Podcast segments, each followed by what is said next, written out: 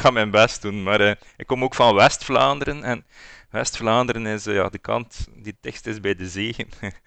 En dus die, daar zijn er accenten zelfs vanuit Zweden, vanuit de vikings, nog de tijden van de vikings. Oh, Dus, echt eh, waar? Wauw. ja. Dus wij hebben bepaalde woorden die eigenlijk zelfs in, in, in, in ons dialect, die, van, die hetzelfde zijn als woorden uit Zweden. eh. dus eh, ja, dat is, dat is een taaltje die moeilijk voor de rest van Vlaanderen soms ook te begrijpen is. Dus ik doe mijn best.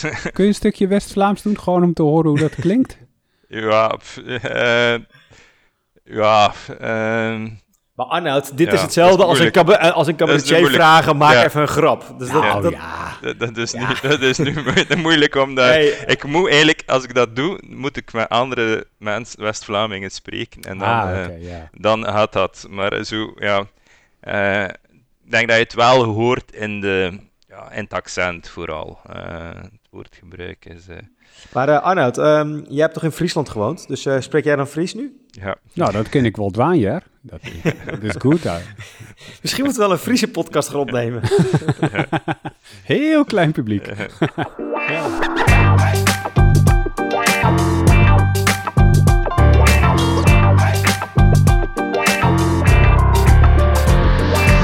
Hey, welkom bij een nieuwe aflevering van een podcast over voeding. In deze podcastserie gaan we in op de wetenschap achter voeding en laten we wetenschappers aan het woord over allerlei thema's die met voeding te maken hebben. Eigenlijk zoals je van I'm a Foodie gewend bent. Bart Mol van I'm a Foodie is natuurlijk ook gewoon weer bij. Hoi ja, helemaal eh frisse fruitig hoor in eh 2022. ja, het is onze eerste show in 2022 die we opnemen althans. Het is eh, denk ik de tweede die we uitbrengen als ik het, eh, als ik het wel heb. En eh, vandaag hebben we eh, een, een gast van, eh, nou ja, je hebt, je hebt het al gehoord, misschien als je het intro hebt gehoord. Eh, professor Dr. Gijs Dulin, eh, een specialist in mineralen, kan je denken aan selenium en zink, en landbouwexpert verbonden aan de Universiteit van Gent in, eh, in Vlaanderen. Vicevoorzitter ook van een internationaal consortium met betrekking tot seleniumonderzoek. Zeg ik het zojuist, Gijs? ja, dat klopt. Helemaal goed. En na het luisteren van deze show weet je dus, als het goed is, veel meer over de rol van selenium en zink in relatie tot COVID en, en, en natuurlijk eh, hoe, hoe dat zit in voeding. Eh, want dat is ook een onderwerp waar je, denk ik, niet elke dag bij stilstaat. Ehm, maar we beginnen eh, waar we altijd beginnen, eh, Gijs. En dat is, wat is je grootste voedingsfrustratie van de afgelopen tijd? Ja, mijn grootste fru- frustratie is misschien wel dat er ehm, heel veel ehm, consumptie van groenten en fruit gepromoot is tijdens eh, corona en coronatijden. Dat is uiteraard wel heel belangrijk. Om verschillende redenen is eh, consumptie van groenten en fruit heel belangrijk. Maar het helpt ons spijtig genoeg niet om de inname van selenium en zink te verhogen. En die beide elementen zijn ook heel belangrijk eh, bij een goede werking van het immuunsysteem. Want waar, dat zit er niet in, in groente en fruit, selenium en zink? Ja, selenium en zink zitten slechts in zeer beperkte mate in groenten en fruit. Eh, selenium en zink zitten vooral eigenlijk in dierlijke producten en bijvoorbeeld ook in zuivelproducten. Ehm, maar dus heel veel minder in groenten en fruit. Oké, duidelijk. En dit is zeker iets waar we later in de show nog even op terugkomen, want ik, ik heb hier gelijk al een paar vragen over. Ehm, maar eerst wilde ik toch hebben over iets wat, eh, wat, eh, wat, eh, wat jou is overkomen. Kan ik het zo zeggen, Gijs? Eh, Ja, misschien wel, ja. Ja, wat zal ik het even, even eh Ja, introduceren, Arnoud? Want eigenlijk is het zo dat, nou, ehm, zoals de trouwe luisteraar weet, dan eindigen we de show altijd met, goh, welke gasten kunnen we nog wat meer vragen? Maar daarnaast houden we zelf natuurlijk ook ogen, onze ogen en oren open. En toevallig las ik een artikel in een eh, Nederlandse krant, ehm, wat uiteindelijk ook gewoon in België is gepubliceerd. En dat ging over, een, eh, over de relatie tussen selenium en zink met ja, herstel of het voorkomen van COVID.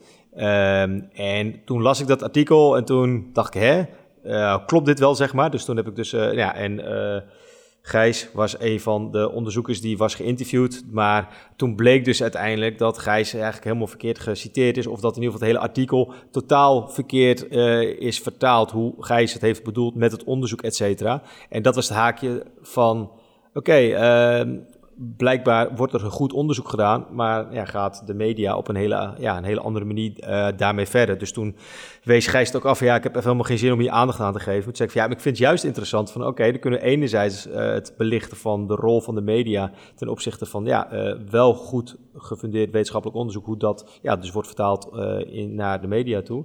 maar ook gewoon qua inhoud. Hoe zit het dan wel met selenium en zink en de mineralen versus COVID? Dus dat zijn eigenlijk de twee haakjes die we nu in de show gaan bespreken. Maar eerst inderdaad het eerste stukje van Gijs. Hoe heeft dit eigenlijk kunnen gebeuren? Jij kreeg een interviewer over de vloer en die heeft dan het 180% of 180 graden het omgedraaid ja, de interviewer op zich heeft eigenlijk wel zijn, zijn werk op de juiste manier gedaan. Um, dus um, ik heb het artikel, het oorspronkelijk artikel ook kunnen nalezen, um, maar de titel uh, die op het artikel geplakt is, heb ik niet kunnen nalezen. En de titel was uiteindelijk Bepaald voeding hoe ziek je wordt van COVID, met een vraagteken achter. Uh, en uiteraard, wij hebben in onze studie zeer interessante resultaten behaald. Maar we hebben eigenlijk het oorzakelijk verband met voeding niet per se in deze studie kunnen aantonen. Uh, en dat vraagteken achter de titel van, onze, van ons artikel is door heel wat mensen geïnterpreteerd, op een andere manier geïnterpreteerd, is eigenlijk weggelaten. En sommigen hebben geconcludeerd dat voeding inderdaad bepaalt hoe ziek dat je wordt van COVID-19. Eh, en dat, dat is dan opgepikt geweest in verschillende in social media, door bijvoorbeeld ook antivaxers, uh, door um, mensen die um, supplementen verkopen ook bijvoorbeeld. Uh, en dat heeft dan uiteindelijk weer heel wat reacties uitgelokt bij anderen, bij virologen bijvoorbeeld, of ook bij bepaalde journalisten, um, om daarop te reageren. Ook niet altijd op de juiste manier en op een niet wetenschappelijk onderbouwde manier.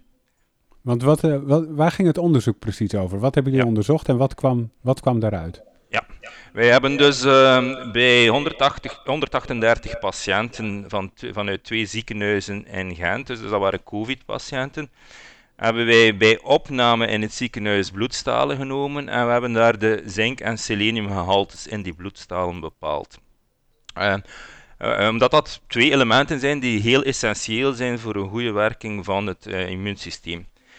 We hebben dan uiteindelijk vastgesteld dat die, het ziekteverloop en de mortaliteit van die patiënten uiteindelijk, na meestal enkele weken, uh, heel goed verband houdt met die selenium- en die zinkstatus. Dus uh, patiënten die een heel lage, heel slechte selenium- en zinkstatus hadden bij opname, die hadden een veel hogere kans op een, uh, een ernstig ziekteverloop en overlijden.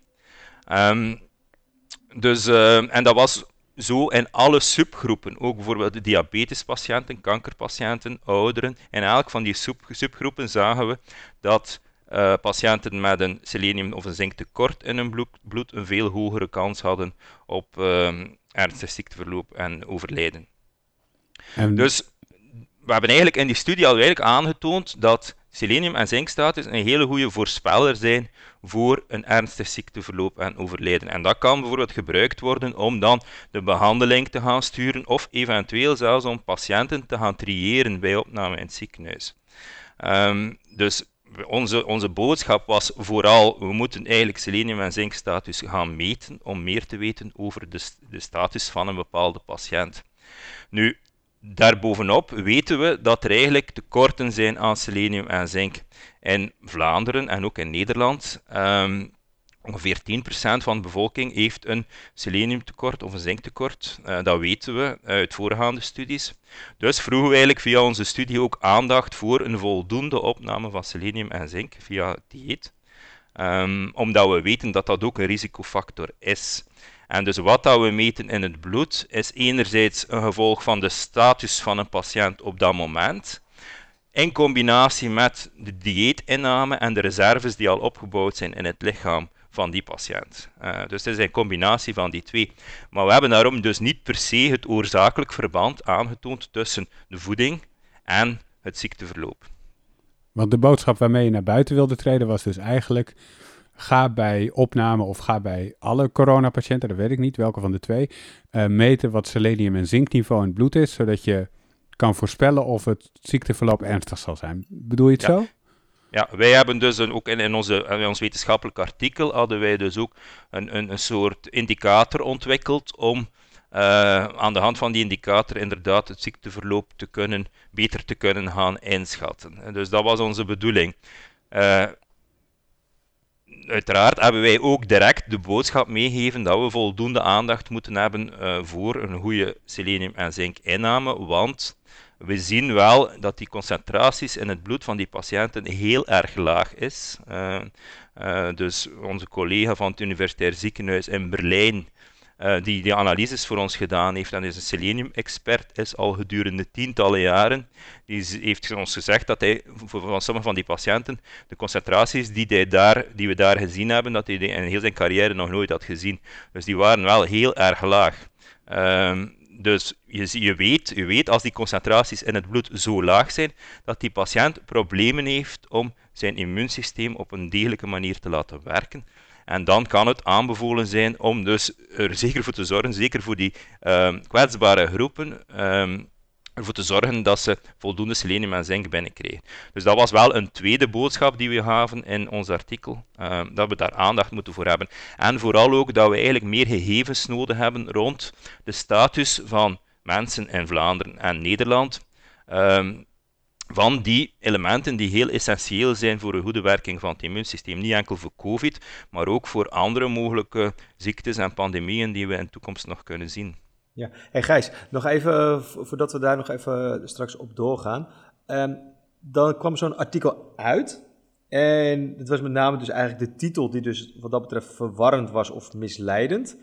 Um, maar ben je dan overstelpt door zowel weer andere media van hey, hoe komt dit nou weer opeens naar buiten en andere collega-onderzoekers? of kan je ons daar even meenemen wat er dan teweeg heeft gebracht? Omdat je toen aangaf van dat er even een soort van mini-mediastorm ontstond. Ja, dus enerzijds waren er uiteraard wel heel wat andere uh, media die geïnteresseerd waren in onze resultaten op basis van uh, het artikel dat uitgekomen was. Dat had ik zelf ook niet verwacht, uh, uiteraard.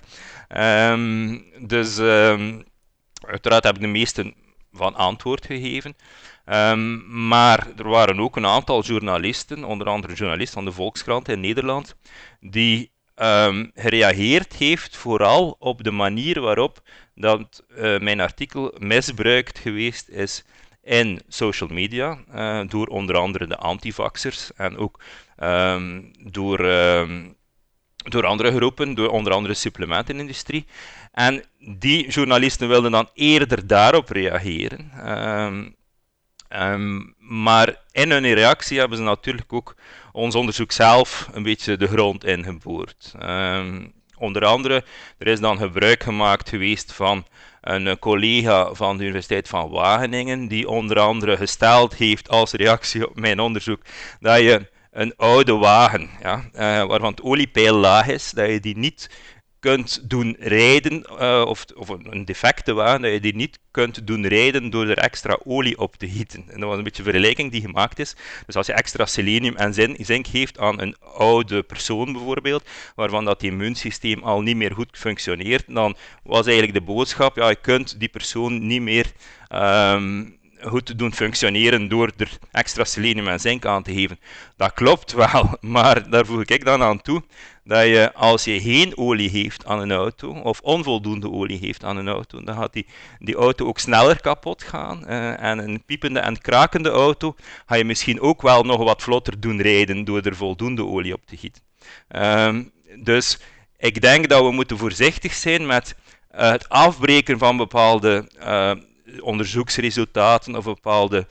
Um, door, door eigenlijk zelf te reageren aan de hand van ongefundeerde uitspraken die zelf ook niet wetenschappelijk onderbouwd zijn. En wat, en wat zou je dan nu anders doen bij een aankomend uh, interviewaanvraag die je krijgt om dit te voorkomen? Ik zou vooral ook vragen of dat ik de titel mag zien van een artikel, uh, hier in dit geval. Um, het artikel zelf heb ik kunnen nalezen. Want bijvoorbeeld, ik heb ook veel reacties gekregen van, of een aantal reacties gekregen van vegetariërs en veganisten. Omdat ik in het artikel aangegeven had dat uh, vlees en vis een, goede bron zijn van selenium en zink. Maar verder in het artikel heb ik ook onder andere het aanreiken van uh, plantaardige producten met selenium en zink als een mogelijke oplossing aangeleverd. Maar zover was de lezer zelfs niet gekomen, want het artikel zat achter een, een, een betaalmuur. Uh, dus uh, meestal zien lezers enkel de titel en een paar zinnetjes van het artikel uh, en lezen ze niet het volledige artikel. Ik heb dan gereageerd naar die, naar die persoon die mij via mail gecontacteerd had en ik had gezegd van heb je wel het volledige artikel gelezen? En dan bleek dat inderdaad dat, dat ze niet het volledige artikel had gelezen en ze heeft daar geëxcuseerd. Dus ik denk dat het superbelangrijk is in de huidige tijden, waarbij dat mensen niet meer volledige artikels lezen, dat minstens de titel niet te suggestief is. Um, um, ja, dat is denk ik... Ja, op zich uh, klinkt het wel enigszins herkenbaar hoor. Dat ja. hebben we ook wel eens uh, gehad. Dat wij uh, best wel regelmatig interviewaanvragen krijgen voor kranten en magazines. Maar dat heel vaak eigenlijk de conclusie al een soort van bekend is. Dat ze zeggen van, oh ja, dit artikel moet gaan over dat uh, groene groenten gezonder zijn dan gele groenten. dat dan mijn collega's ook al zeggen van, hè, hoe, wat? Nou, en dan zeg ik natuurlijk van tevoren al dat we ook onze eigen voorwaarden hebben van, oké, als we een artikel schrijven, dat we hem uh, zowel, zowel op inhoud controleren als titel, maar ook hoe het echt in het design komt te staan, omdat we inmiddels ook wel de ervaring hebben dat toch nog last second iets wordt aangepast of een call to action of ja, een clickbait-achtige titels. Dat je denkt, ja, zo werkt het niet. Of dat magazines ook wel vaker druk bezig zijn om hun eigen content uh, te vullen. Dat wij een bepaald uh, ja, uh, artikel hebben geschreven of een interview hebben gegeven. En dat vijf pagina's later het compleet tegenovergestelde wordt uh, beweerd. Dat je ook denkt dan als lezer van ja, wat moet je nu dan wel zien als waarheid of nou, waar je verder, verder mee kan. Ik heb hetzelfde trouwens ook al een keer meegemaakt. En ik heb vroeger een keer een, een uh, onderzoek gedaan rond stadslandbouw, uh, waarbij dat we dus eigenlijk keken naar de kwaliteit van landbouwgewassen die geproduceerd waren in een stadsomgeving. Dus vervuiling die afkomstig is van bijvoorbeeld de lucht. Uh, en ik heb daar eigenlijk een beetje hetzelfde gemerkt toen. wij zagen dat die, dat die gewassen die geproduceerd zijn in een stadsomgeving uiteraard wel wat meer vervuild zijn dan gewassen die er niet geproduceerd zijn. Maar met die, die gewassen goed te, te wassen voor, voor consumptie kon je die vervuiling wel wegkrijgen. Maar je ziet dan dus dat, dat, dat die, die resultaten ook geïnterpreteerd worden en opgepikt worden in verschillende media in functie van wat dat mensen eigenlijk willen horen. Uh, en je krijgt er dan reacties op uh, die, die ook niet altijd even correct zijn. Goed, ik denk dat dat de, ja, de, de gevolgen zijn uh, die je erbij moet nemen als je uh, in de media communiceert. En het wordt wel belangrijk, ook voor onderzoekers, meer en meer belangrijk, uh, dat we communiceren rond ons onderzoek in de media. Uh, de financierders eisen dat ook. nu, dan krijg je ook de situatie waarbij dat mensen die eigenlijk zelf geen onderzoeksresultaten te presenteren hebben, in de media komen om via reacties op onderzoek die anderen gedaan hebben. En dat is dus, die reacties zijn dus ook niet altijd even gefundeerd. Sommige mensen willen gewoon in de media komen, uh, omdat ze er moeten in komen, of omdat ze verondersteld zijn om erin te komen, zonder dat ze zelf resultaten hebben om te presenteren. Dat is denk ik ook een deel van het probleem soms. Ja. En merk je nu eigenlijk ook, juist door COVID, dat uh, in jouw onderzoeksgebied, dat er nu veel makkelijker subsidies worden gegeven dat je daar verder mee kan? Dat het je eigenlijk dus ook wel ja, uh, nu een voordeel heeft gebracht ten aanzien van uh, subsidies? Ja, tot op heden niet. Dus het onderzoek dat wij gedaan hebben, hebben we zelf volledig uit eigen zak gefinancierd, met eigen middelen gefinancierd. Ik heb verschillende financieringsaanvragen gedaan voor dat type onderzoek. Maar de reacties die we meestal kregen, waren er van, het is niet dringend genoeg. Dus meest, de meeste financiering in de eerste fase van corona ging volgens mij vooral naar um, ontwikkeling van bijvoorbeeld vaccins, geneesmiddelen. Uh, en ze vonden dat onze onderzoek iets te veel op preventie gefocust was. Uh, dus ik hoop alleen dat dat nu gaat veranderen. Uh, en dat we nu in de jaren na COVID, dat we wel toch wel wat meer kunnen gaan onderzoek naar onderzoek doen naar uh, alles wat dan met preventie te maken heeft. Zitten we al in de jaren na COVID? Maar goed, dat is misschien uh, een andere vraag. Ja, dat is in de, België. In, in, in, de, in de jaren, ja, in de jaren die gaan komen, misschien. uh, ja. We hebben, we hebben voor, voor dit type onderzoek hebben wij enkele jaren geleden al Europese projectaanvragen ingediend. Um, rond selenium en zink en onderzoek naar de status van selenium en zink, factoren die dat beïnvloeden. Um, maar toen werd dat ook niet als een hoog prioritaire topic gezien, maar ik denk dat dat misschien door COVID wel een zou kunnen veranderen. Um, ik denk dat er daar toch wel meer en meer aandacht voor gekomen is. Um, nu, het is ook wel zo dat is een moeilijk domein want, om financieringen te krijgen. Want uh, als je bijvoorbeeld voor een Europees projectaanvraag gaat, moet je, moet je altijd uh, aantonen via betrokkenheid van bedrijven bijvoorbeeld, dat je mm -hmm. een, een um, dat, dat je onderzoek relevant is. Uh, en eventueel moet er zelfs cofinanciering komen vanuit bedrijven. Maar als je dan bijvoorbeeld vanuit de supplementenindustrie bedrijven betrekt, dan loop je ook weer het risico dat er een reactie op komt en dat, dat mensen gaan zeggen, ja, je bent verkocht aan die, ja. die dit type industrie. Uh, en dat is dus iets waar dat we continu mee geconfronteerd worden. Dus het is niet zo, niet zo evident. In de pharma, in de geneeskunde is dat veel gemakkelijker. Je gaat gewoon een farmaceutisch bedrijf betrekken uh, en het is sowieso relevant. Um, dus dat is iets waar dat we toch wel, uh, ook wel wat, wat uh, moeite mee hebben soms. Ja, dat lijkt me ook lastig. Maar laten we even teruggaan naar de basis, want we hebben het nu al een minuut of twintig over zink en selenium. Maar wat is dat eigenlijk en wat doet dat in het lichaam?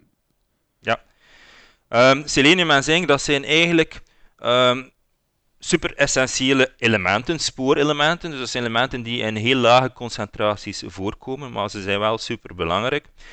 Um, selenium komt ongeveer voor in een meer dan 25 enzymes. Uh, en dat zijn eigenlijk verbindingen die een bepaalde uh, biochemische rol gaan spelen. Uh, zink komt zelfs voor in meer dan een 200-tal enzymes. Die mhm. zijn allemaal betrokken in het metabolisme. Voor zink is dat bijvoorbeeld in de vertering, zenuwwerking, ook andere processen. Um, voor selenium, uh, selenium speelt bijvoorbeeld ook een grote rol bij de vruchtbaarheid. Maar beide elementen spelen ook een heel essentiële rol bij een goede werking van het immuunsysteem. Um, en ze zijn ook gekend om een antioxiderende werking te hebben, zoals ook bijvoorbeeld vitamine A, vitamine C, vitamine E. Uh, zijn selenium en zink belangrijk bij antioxiderende werking. Nu, als we met een virusinfectie geconfronteerd worden, dan krijgen we eigenlijk, gaat het lichaam, maar ook virus zelf, gaat er eigenlijk een, een, een vrije zuurstofradicalen geproduceerd worden in het lichaam. Dus dat zijn zijn reactieve verbindingen um, op zuurstof gebaseerd, die um, bepaalde cellen en weefsels kunnen gaan aantasten. Um, en bijvoorbeeld een ontstekingsreactie dat je krijgt, dat is eigenlijk ook een, een gevolg van zo'n, of gerelateerd met zo'n productie van vrije zuurstofradicalen. In lage hoeveelheden zijn die vrije zuurstofradicalen belangrijk, want dat zijn ook signaalmoleculen, dus die zijn eigenlijk betrokken in een goede immuunwerking.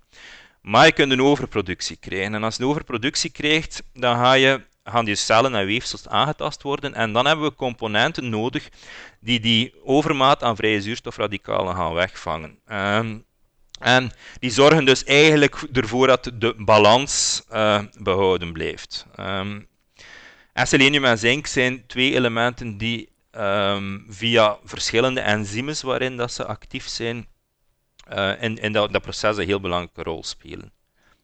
En hoe, hoe krijgen we, want je noemde al dierlijke producten, maar dat is natuurlijk een heel breed begrip. Via welke voedingsmiddelen krijgen we selenium en zink het meeste binnen? Ja, voor selenium gaat het vooral dus over, uh, voor beide gaat het eigenlijk over eiwitrijke producten. Um, En dat zijn dus heel dikwijls dierlijke producten, vlees, vis en meestal bepaalde vissoorten. Um, maar ook zuivelproducten, bijvoorbeeld eieren, uh, melk. Um, en als je dan naar de plantaardige producten gaat kijken, dan ga je voor selenium uh, vooral bij de graanproducten uitkomen, maar ook de, de ui en klof, knoflook, dat zijn de mm allium-species noemen we dat. Uh, maar ook al de koolsoorten, zoals broccoli, kunnen, kunnen veel selenium bevatten. Um, nu, ik zeg kunnen, omdat de bodem ook voor een groot deel bepaalt hoeveel dat er uiteindelijk in die plantaardige producten terechtkomt. Um, maar als ik even het uh, vergelijk maak met bijvoorbeeld een stukje uh, biefstuk, zit, daar, zit er daar een hele hoge concentratie selenium en zink in? Ja, dus als je naar biefstuk gaat gaan kijken, um, runderen die krijgen um, dikwijls seleniumsupplementen. Uh, omdat die runderen hebben zelf ook uh, selenium en zink nodig voor een metabolisme. Uh, dus het is logisch dat dierlijke producten eigenlijk voldoende selenium en zink bevatten. Omdat die via de veevoeding krijgen die eigenlijk selenium en zink toegevoegd, uh, toegediend. Als je naar melkvee kijkt bijvoorbeeld, dan weten we dat er um, gaan optreden als je onvoldoende selenium geeft. Dus een koe die gewoon graast, gras binnenkrijgt, gaat uh, uierontsteking krijgen in Vlaanderen. Uh, en we kunnen die uierontstekingen tegengaan door seleniumsupplementen te geven. Dus dat is ook wat er gebeurt in de dierlijke productie.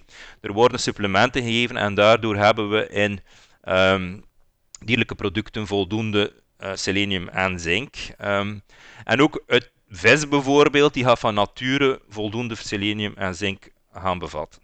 Omdat het dierlijke producten zijn. Dan kun je dan gewoon niet zelf als mens ook gewoon dan een supplement nemen. In plaats van dat je het eerst aan een, uh, aan een koe geeft dat hij dan voldoende heeft. En vervolgens ga je die koe slachten en dan ga je weer een stukje vlees eten. En op die manier heb je dat weer binnen.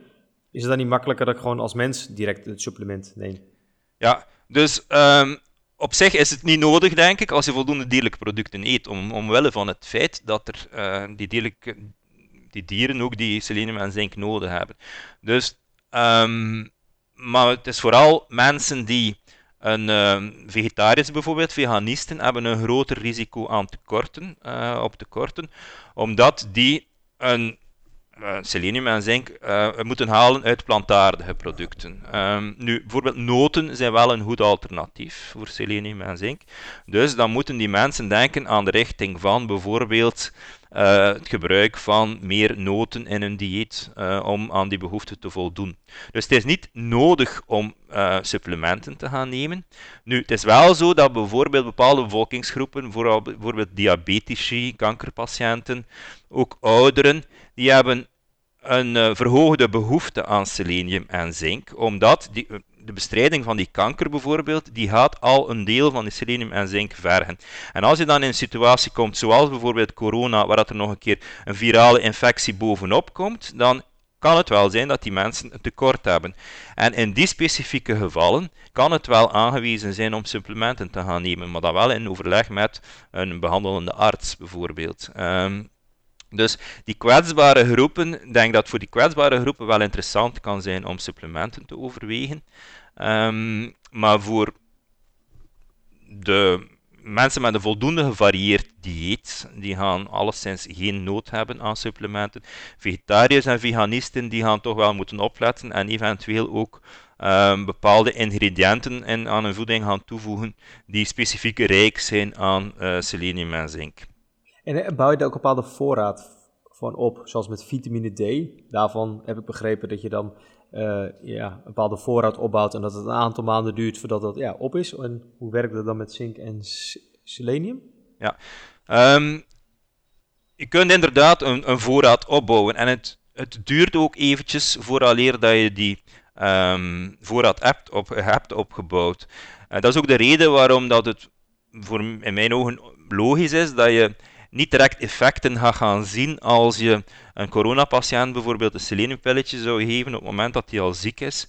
Dan moet je daar geen wonderen van verwachten. Um, omdat die selenium en die zink die zijn nodig in alle mogelijke weefsels waarin dat selenium en zink gebruikt worden.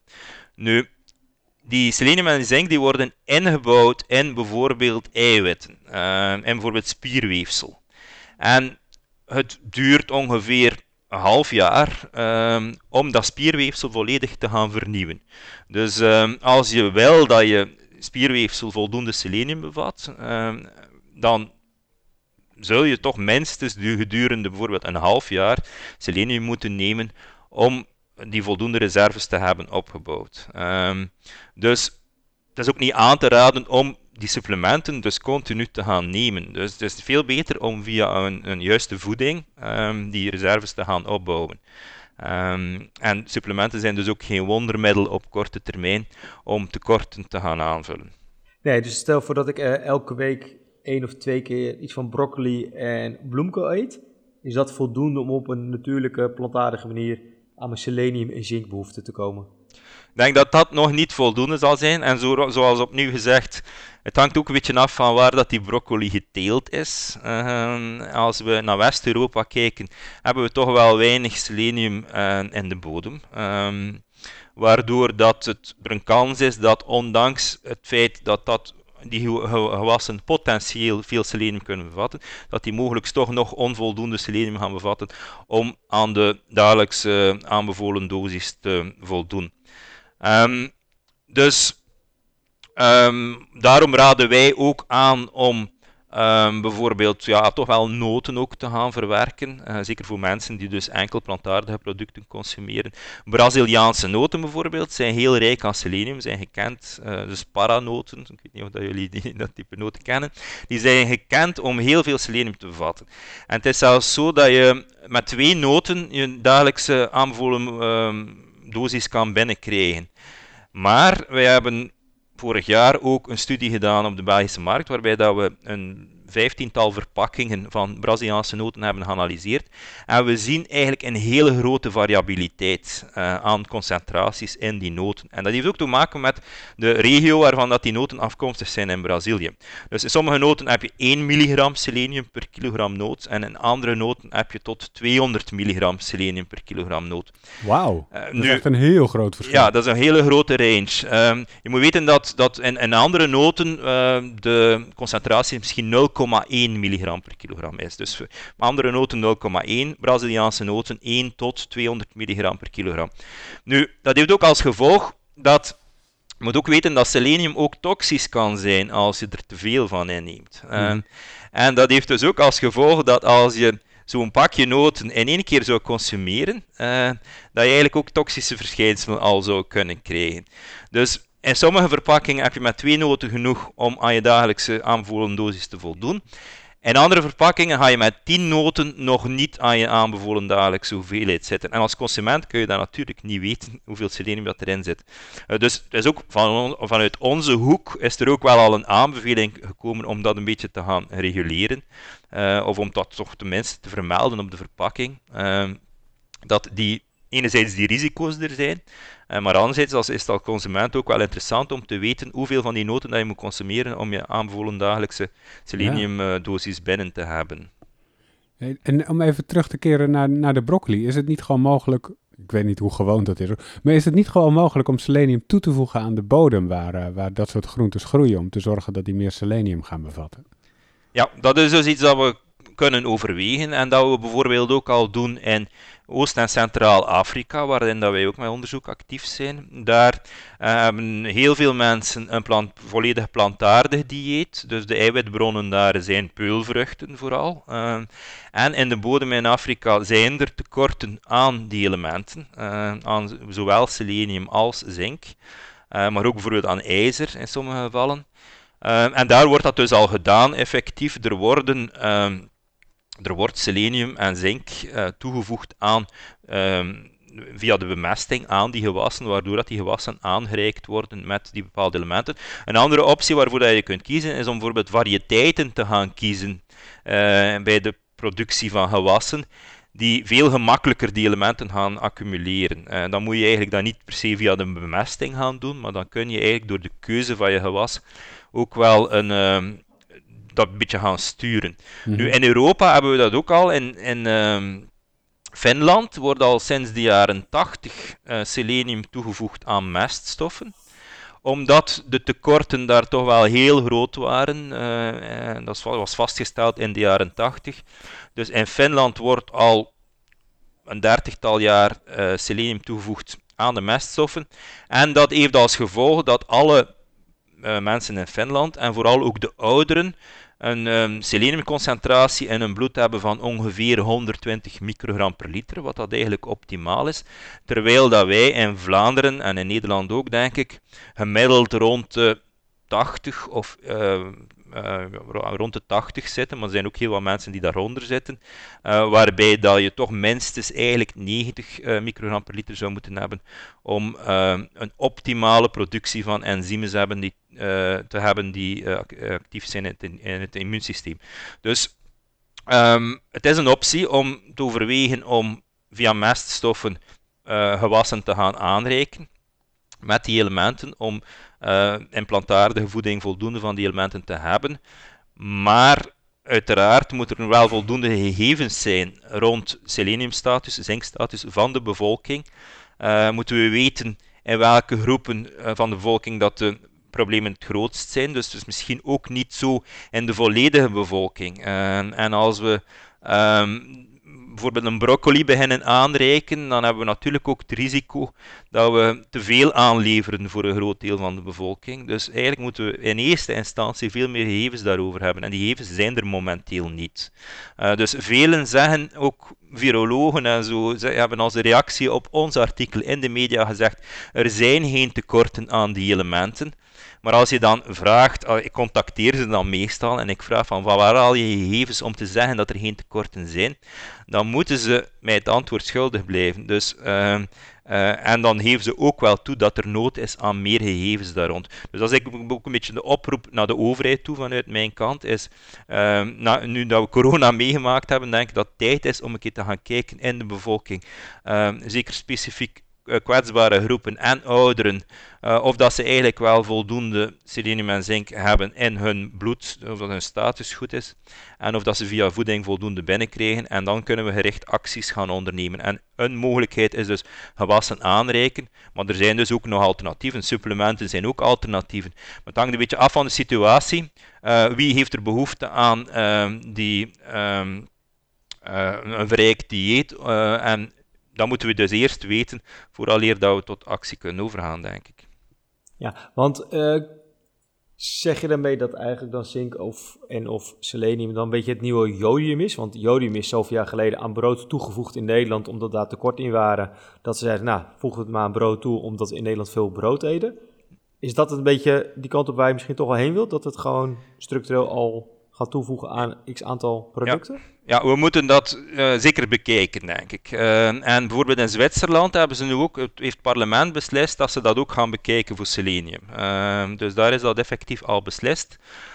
en bij ons in Vlaanderen en ik denk in Nederland nog niet. Ehm, jodium is een heel gelijkaardig probleem. Selenium en jodium zijn trouwens beiden zeer belangrijk voor de goede werking van de schildklier. Dus selenium en jodium zijn eigenlijk twee heel gelijkaardige elementen op dat vlak.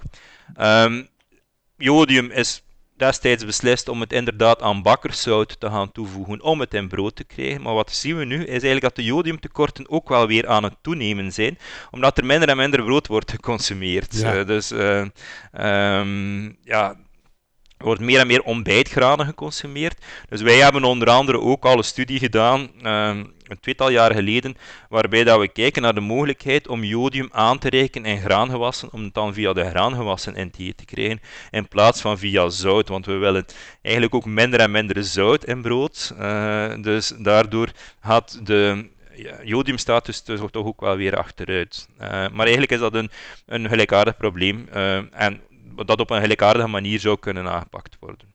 En nog even een andere vraag. Is uh, selenium en zink, uh, zijn dat natuur, ja, ingrediënten of zo? Uh, delven we dat uit de grond? Of wordt het artificial in een fabriek gemaakt? Ja, dus selenium en zink, de elementen zelf, die zijn eigenlijk in de bodem terechtgekomen via het geologisch materiaal. Um, en dat dat zorgt ervoor dat als je op een globale uh, schaal gaat gaan bekijken, um, dat die elementen niet overal in dezelfde mate voorkomen. Uh, en bijvoorbeeld in China heb je regio's waar er heel veel selenium in de bodem zit, en regio's waar er zeer weinig selenium in de bodem zit. China is uiteraard, uiteraard ook een groot land, dus daar heb je de twee extremen. En je hebt zelfs zodanige extremen dat in de regio's waar er zeer veel selenium in de bodem zit, dat er daar eigenlijk een well, toxische effecten ook uh, vastgesteld worden bij de bevolking. Maar je hebt daar ook al een, een, business die ontstaan is. In die regio's worden er aangereikte producten geteeld, uh, gemaakt, op die aangereikte bodem. En die worden dan verscheept naar de regio's waar dat er tekorten zijn. En die worden daar dan geconsumeerd door de mensen die leven in de regio waar dat er tekorten zijn. Nu, het toeval of niet, wel uh, dat in corona, dat er ook met onze Chinese collega's een keer gekeken hebben naar de mortaliteit en het de, de, de, snelheid van herstel van coronapatiënten in die twee regio's. En dat ze daar ook wel verschillen gezien hebben, uh, duidelijk verschillen gezien hebben, die mogelijkste linken zouden kunnen zijn aan die uh, verschillende seleniuminname. Maar dat zijn dus uiteraard ook weer, het is, het is, heel moeilijk om causaal verband aan te tonen. Uh, dus die, dat is eerder een, een, een, ja, een, een, denkpatroon. En dat denkpatroon heeft ons ook aangezet dan om selenium- en zinkstatus te gaan meten in coronapatiënten bij ons. Um, maar we hebben dus meer gegevens nodig rond de status van ook gezonde mensen. Hè. Uh, dus niet enkel patiënten, want die patiënten hebben al een uh, afwijkende status omwille van het feit dat ze ziek zijn. Uh, we willen dat natuurlijk ook weten. Um, van gezonde mensen. Um, maar dus inderdaad. en, en, en, ben, je dan eigenlijk ook, ben je dan eigenlijk ook wel een fan van een jaarlijkse medical check-up? Dat is dat ik dus nu eigenlijk naar mijn huisarts ren om mijn bloed te gaan prikken omdat ik uh, die zink- en seleniumwaardes even kan weten hoe ver ik daarin zit. Want ja, eerlijk gezegd heb ik dat nog nooit gedaan. Dus ik heb ook geen enkel benul wat mijn waardes überhaupt zijn. Ja, uh, ik krijg die vraag ook nu van heel veel mensen die willen weten wat dat selenium- en zinkstatus is. Um, nu, zeker voor zink is dat niet zo evident om dat te gaan bepalen en dan direct te gaan linken aan een tekort, uh, omdat er, dat, wordt ook heel veel gereguleerd, die zinkstatus. Als je dus bijvoorbeeld s'morgens gaat gaan meten, dan ga je misschien al een andere status hebben ten opzichte van s'avonds. Um, dus het is, ik denk dat het veel interessanter is om op populatieniveau te gaan kijken um, en te gaan onderzoeken welke factoren dat die status gaan beïnvloeden en dan bij naar individuen aanbevelingen te geven rond consumptie, um, een varieerd dieet.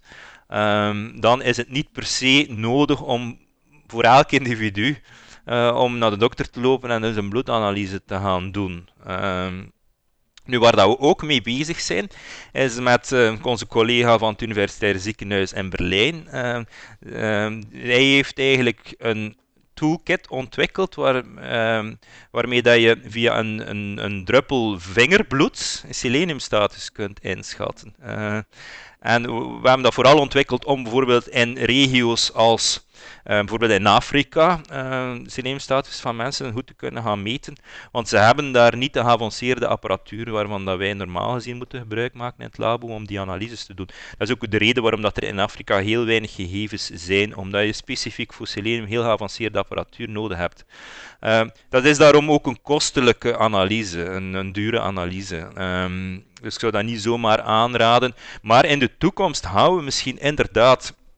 Uh, dankzij ontwikkeling van zo'n diagnostische toolkits gaan we misschien meer naar personalized nutrition gaan, naar gepersonaliseerde uh, voedingssystemen, waarbij dat je aan de hand van een meting inderdaad kunt zelf gaan beslissen waar dat je nood aan hebt. Uh, maar dat is eerder toekomstmuziek, denk ik. Uh, trouwens, eh, wij hebben ook uh, als reactie op onze studie het verwijt gekregen van een Nederlandse journalist dat wij zelf, dat er belangenvermenging is, omdat wij iemand hadden uh, in ons onderzoek betrokken die dus zo'n toolkits mee helpt ontwikkelen. um, dus dan werd er gezegd, ja, maar ja, jullie hebben alle belang bij metingen, uh, want jullie hebben een professor van Berlijn in jullie studie zitten die uh, dat soort testkits ontwikkeld. Um, dat vind ik toch wel ook wel zo'n verwijt, vond ik ook wel al heel ver gaan, want ik denk dat ongeveer iedereen in de geneeskunde, artsen, heel veel artsen die werken op, eh, aan universitaire ziekenhuizen, zijn ook betrokken in ontwikkeling van geneesmiddelen. En dat betekent daarom toch niet dat die een belang erbij hebben dat mensen ziek worden. Hè. Dus uh, nee. um, ik denk, ja, maar dat is dus ook gebeurd eigenlijk. Dat is ook iets, iets wat ik uh, meegemaakt heb nu. Maar dus ik denk dat die toolkits wel misschien in de toekomst interessant worden. Uh, maar momenteel gaat het nog steeds om een vrij dure analyse. En ik denk niet dat het uh, logisch is dat nu iedereen uh, naar een dokter zou lopen om dus een, een persoonlijke status inschatting te krijgen.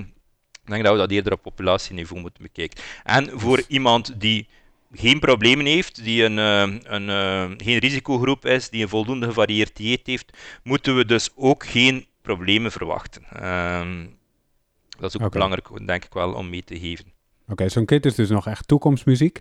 Ja. Um, maar welke praktische tips kun je onze luisteraars geven waar ze nu wel mee aan de slag kunnen als het gaat om zink en selenium? Ja, dus, um, ja, dus zoals ik daar juist al aangegeven had, uh, voor en uh, mensen die niet tot risicogroepen behoren, dan denk ik dat voldoende gevarieerd dieet belangrijk is. Maar dat is eigenlijk niks nieuws, denk ik. Uh, dat geldt evengoed voor vitamines. Uh, Ehm, maar voor mensen die wel tot risicogroepen behoren, dus bijvoorbeeld diabetici, ouderen, kankerpatiënten, uh, eventueel mensen met obesitas ook, die moeten toch wel aandacht hebben voor een voldoende selenium- en zinkopname en dus specifiek naar bronnen gaan kijken van die elementen, denk ik. Um, eventueel in overleg met behandelende artsen of voedingsexperten. Mm voor wat dat um, selenium betreft, denk ik dat je dat als je seleniuminname wil verhogen, dat die Braziliaanse noten misschien een idee zijn om, om te verwerken in een dieet. Uh, noten zijn sowieso goed uh, voor zowel seleniuminname, zinkinname, maar ook andere antioxidantia. Dus een handjevol noten per dag is, een, een, is misschien een goede tip. Um, en voor wat dat zink betreft is het misschien belangrijk om bijvoorbeeld zuurdesembrood te gaan overwegen uh, in plaats van klassiek gistbrood. Ik weet niet of dat jullie dat kennen in Nederland, ja, ja, zuurdesembrood. Ja. Omdat... Is dat in geval ook met uh, volkoren zit je, zit je dan toch? Dat je juist weer met je vezelgehalte zit? Of uh, is, kan het ook, ook gecombineerd zijn dan? Ja, dus zuurdesembrood is, is niet op zich ehm, enkel Ehm, je hebt ook volkoren en niet volkoren zuurdesembrood. Uh, volkoren producten zijn altijd interessanter in die zin dat ze ehm, ook vezels aanleveren enzovoort. Um, maar uh, als het over zuurdesembrood gaat, dan gaat het eigenlijk uh, brood om die, die een bepaalde fermentatie heeft ondergaan met melkzuurbacteriën. En dan worden er bepaalde componenten afgebroken tijdens die fermentatie, mm die eigenlijk zink kunnen gaan binden, zodat zink minder opneembaar wordt door het lichaam. We hebben het er nog niet over gehad. Uh, en ik weet niet of dat de tijd dat nog toelaat. Maar um, dus dat, dat, is een probleem die we hebben met zink. Dat hebben we niet met selenium. Zink die afkomstig is van plantaardige bronnen, wordt door bepaalde componenten die aanwezig zijn in plantaardige producten heel sterk gebonden en is dus minder opneembaar door het lichaam. Als mhm. je dan bijvoorbeeld in zuurdesembrood gaat gaan kijken, dan heb je die fermentatie gehad die die componenten afbreekt en die ervoor zorgt dat die uh, zinkopneembaarheid veel groter is. Dus ik denk dat het voor de luisteraar um, interessant kan zijn om misschien af en toe ook iets meer zuurdesembrood te gaan overwegen in plaats van klassieke histbroden. Um, om die reden en ook om andere redenen. duidelijk. En uh, tot slot, uh, wie zouden we nog meer te gast moeten hebben in deze podcast? Ja, maar een suggestie die ik misschien zelf heb, is misschien, het is wel een collega van de Universiteit van Gent, is maar mijn, pro, mijn collega professor Tom van de Wielen hij is eigenlijk een, een, een professor die, een, uh, die op dezelfde dag geboren is als ik, trouwens toevallig. maar uh, hij heeft eigenlijk een toestel ontwikkeld uh, waarin, met verschillende compartimenten waarin dat menselijk spijsverteringsstelsel wordt nagebootst. Ah.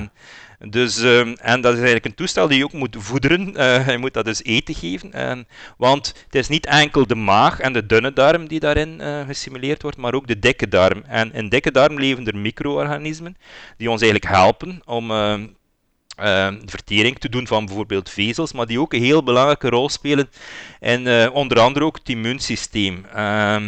en hij heeft dus een een toestel ontwikkeld waarin dat hij ook die, die dikke darmflora cultiveert en onderhoudt.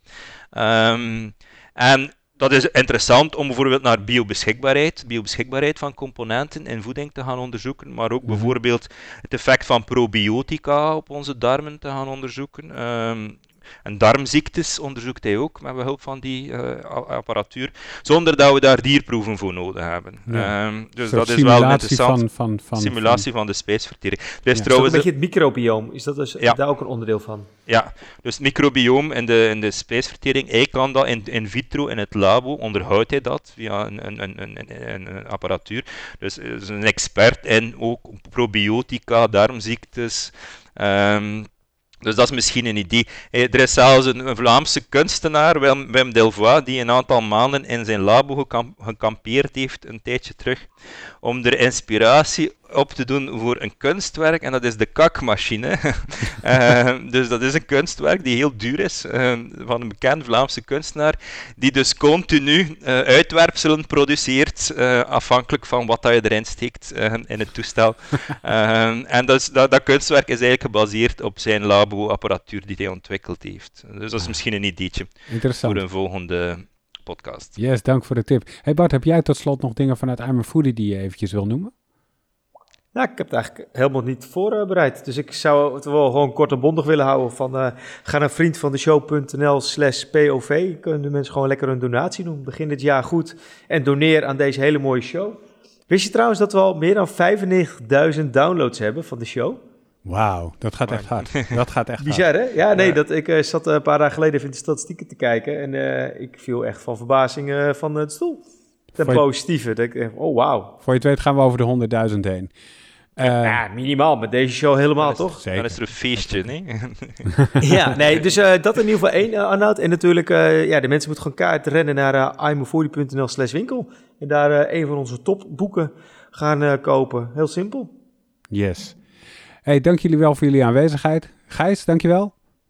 Ja, en dank je om je mij aan het woord te laten. Uh, het is de eerste keer dat ik zo uitgebreid mijn verhaal heb kunnen doen rond mijn uh, coronastudie. Dus daar, uh, ah, daarvoor ben ik heel dankbaar. Heel mooi. Nou, dat is in ieder geval fijn om te horen. En ik zal de kop van de show zal ik even met je mailen. Want dan niet dat we dan een volgende show nodig ja. hebben om dat weer te gaan duiden. Ja, dat is yes, Bart, dankjewel. Jij, dankjewel jo. voor het luisteren. En tot de volgende keer. Oké, okay, doei doei.